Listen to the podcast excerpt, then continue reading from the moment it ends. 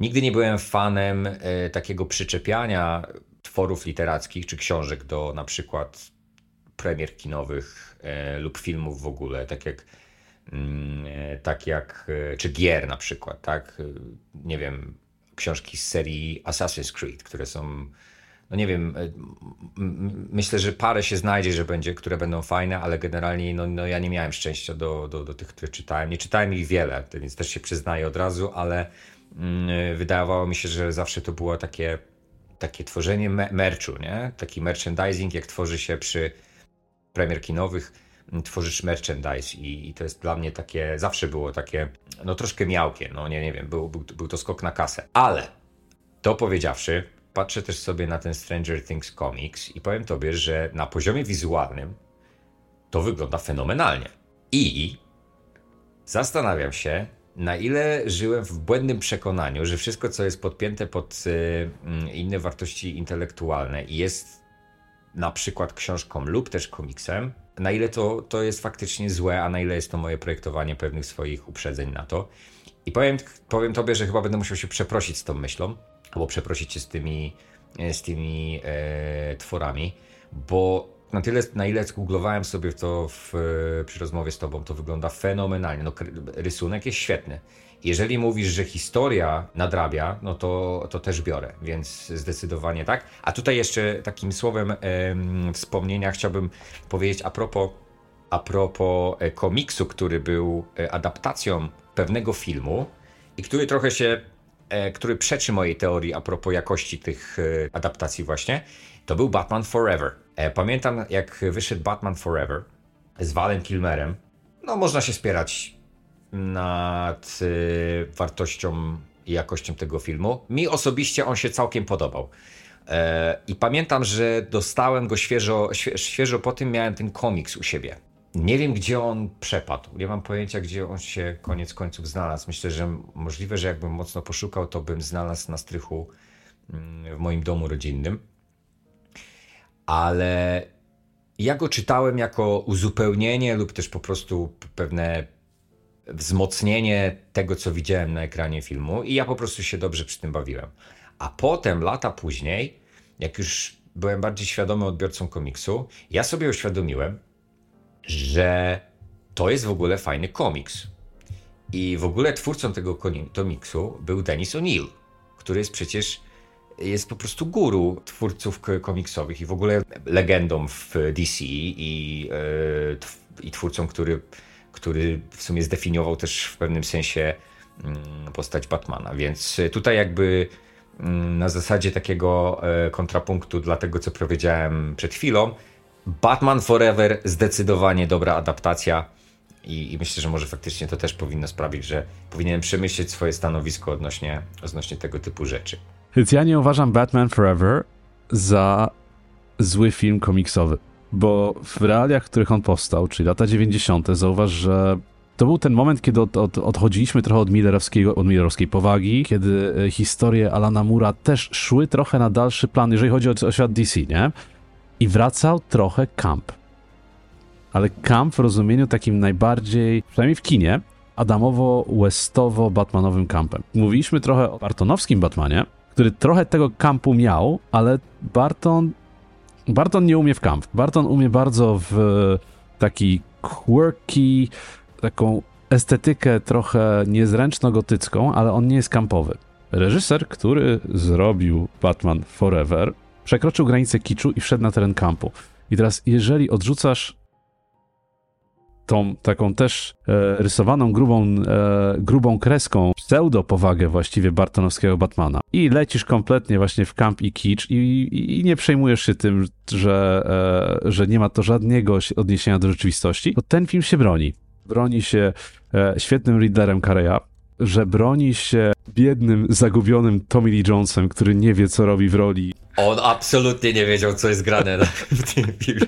To prawda, to prawda. Siedział sobie. Ale no. ja myślę, że to. Ja myślę, że y, w ogóle on się świetnie odnalazł w tym. Mam wra- znaczy, mam wrażenie, że się odnalazł bardzo nieświadomie. To znaczy, on nieświadomie stworzył bardzo dobrą kreację w tym filmie, która była po, po, jak wodu, była w, w ramach tej, tej całej formuły, No, tak? no dokładnie. I wiesz, i, i on się.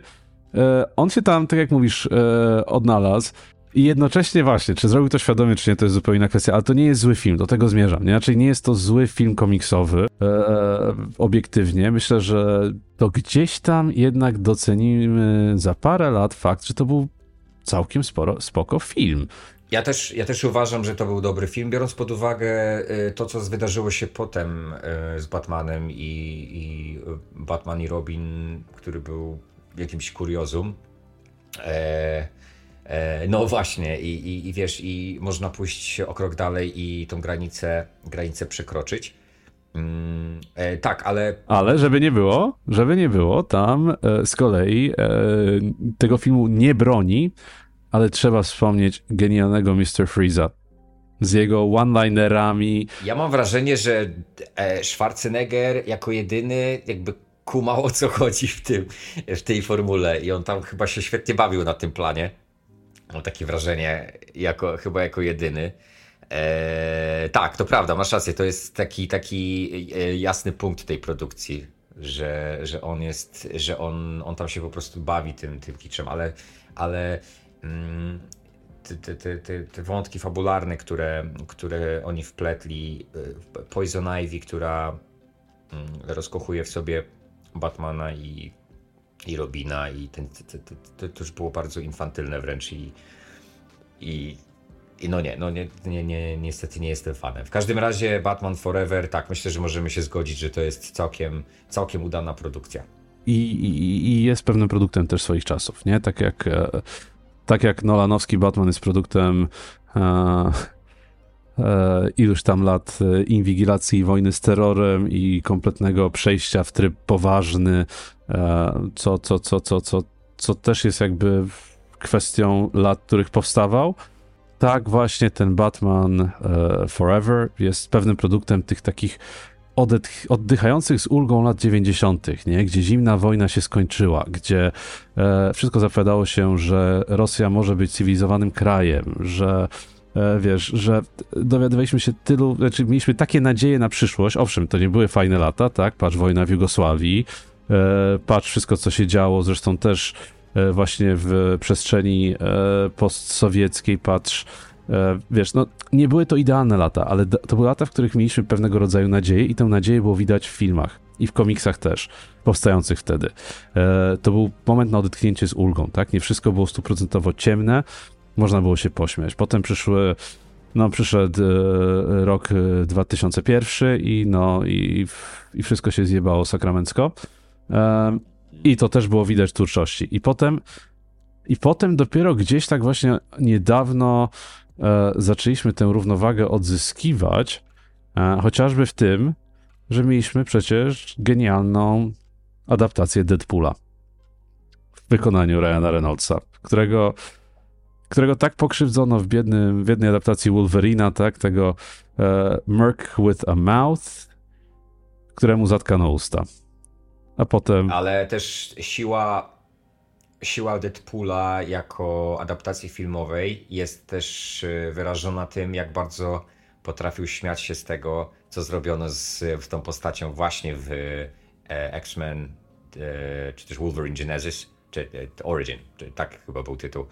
I, i wiesz, i w Deadpoolu, w Deadpoolu chyba dwójce, gdzie, gdzie on podróżuje w czasie i, i, i mógł zabić tą wersję siebie z E, z tego nieszczęsnego filmu z Hugh Jackmanem, nie? I to jest też jest zajebiste, że, że jakby tam nie ma świętości. Gość, który tworzy film o postaci, którą grał w innym filmie i ją uśmierca. No dla mnie to jest, e, to jest e, ogromne fuck you, też trochę przemysłowi, nie? Dla, dla przemysłu, bo, bo takie, mm, takie zagranie na nosie właśnie i zresztą Reynolds ma tą lekkość w tym, że on faktycznie, jeżeli coś spierdoli, to E, to przyznaje się, no nie ta, niedaleko, dalej, niedaleko więcej szukać jak, jak zielona latarnia, nie? Do której, do której się przyznaje. E, nie wiem, czy, czy byłeś świadomy, on, on e, zrobił kiedyś taką akcję, że e, tweetował na bieżąco, jak ogląda po latach zieloną latarnię i komentował absurdy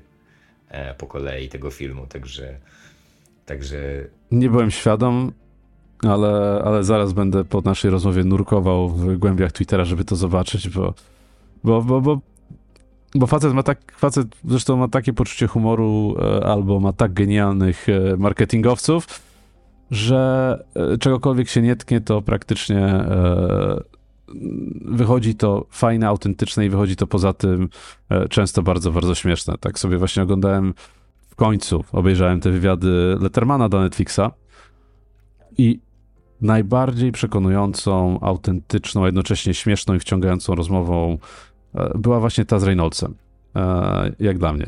Także wydawał się najbardziej wyluzowany, potrafiący przerobić każdą porażkę e, w coś śmiesznego i, i, i, i wiesz, i, i przekłada taką energię, przynajmniej sprawia takie wrażenie, właśnie w swoje adaptacje filmowe, chociażby komiksów. A o Deadpoolu w ogóle, przecież była genialna gra wideo Deadpool na Xboxa, e, chyba na PC, chyba na PlayStation, e, która tak fajnie oddawała realia postaci komiksowej. E, miałeś jego romans z Lady Death, e, czy tam, jego miłość do Lady Death, tak? E, miałeś jego ca całą walkę z Mr. Sinister, jego kompletnie zblazowane podejście do Cable'a i tak dalej, i tak dalej. To było tak pięknie oddane w tej grze, że aż się z chęcią w nią grało. Ale to jest temat na kolejny odcinek. Kolejnym takim komiksem wydanym dosyć niedawno nakładem, tak patrzę, to jest wydawnictwo Magneryk, napisanym przez Antoine Ozanama i Antoine Carion e, to ilustrował, albo ilustrowała, ilustrował chyba, e, to jest Temujin. 2022 rok e, i to jest alternatywna wersja historii Jinjisa Hana, temu Jina właśnie. I jest to komiks tak poetycki, tak pięknie narysowany, taką, wiesz, pastelową, e, właściwie nawet nie pastelową, ale taką nasyconą, fajną barwą e, i jednocześnie e, tak fajnie prowadzony, opowiadający właśnie historię gościa, który walczy z wataszkami lokalnymi, e, próbuje, stara się, walczy o władzę, e, jednocześnie próbuje spełnić przepowiednię, która mu wróży wielkość, ale tutaj znowu, e, ponieważ komiks jest medium tekstowo-rysunkowym, to tutaj rysunek gra pierwszą rolę i gra tak piękną pierwszą rolę, że, że też mnie urzekł. I to jest komiks, którego bym właśnie polecił ze względu na warstwę wizualną, nie za realia historyczne, bo to jest baśń, e, jest sporo takich, e, no właśnie, wątków e, duchowo, duchowo e, emocjonalnych, ale e, jest sporo takich przerwników też tekstowych, e, jako tekstowych, tekstowych, ale jest to tak fajnie napisane, tak fajnie prowadzona powieść, że, że, że, że polecam z całego, z całego serca, także... A po, podaj mi jeszcze raz y, tytuł. Temujin. I znowu, tam spoilować za bardzo nie ma co historii, bo historia, jakich wiele, tak, facet e, e, przepowiada, mu, przepowiada się mu wielkość, tak, zaczyna walczyć przeciwko swoim prawcom, ale sposób, w jaki to jest narysowany, no jest przepiękny i, i to jest też takie odejście od komiksu, e, no właśnie, zupełne odejście od komiksu czarno-białego na rzecz bardzo ładnej, e, bardzo ładnej barwy, takiej wręcz pięknej gry barwami e, i takiego doboru barw, który, który świadczy o wielkim, w pewnym sensie no, świadczy o całkiem sporym, no, mm, o całkiem sporej umiejętności przewidywania, co chce się powiedzieć, bo tutaj żadna barwa nie jest przypadkowa, wszystko taki fajny klimat nadaje, więc, więc polecam.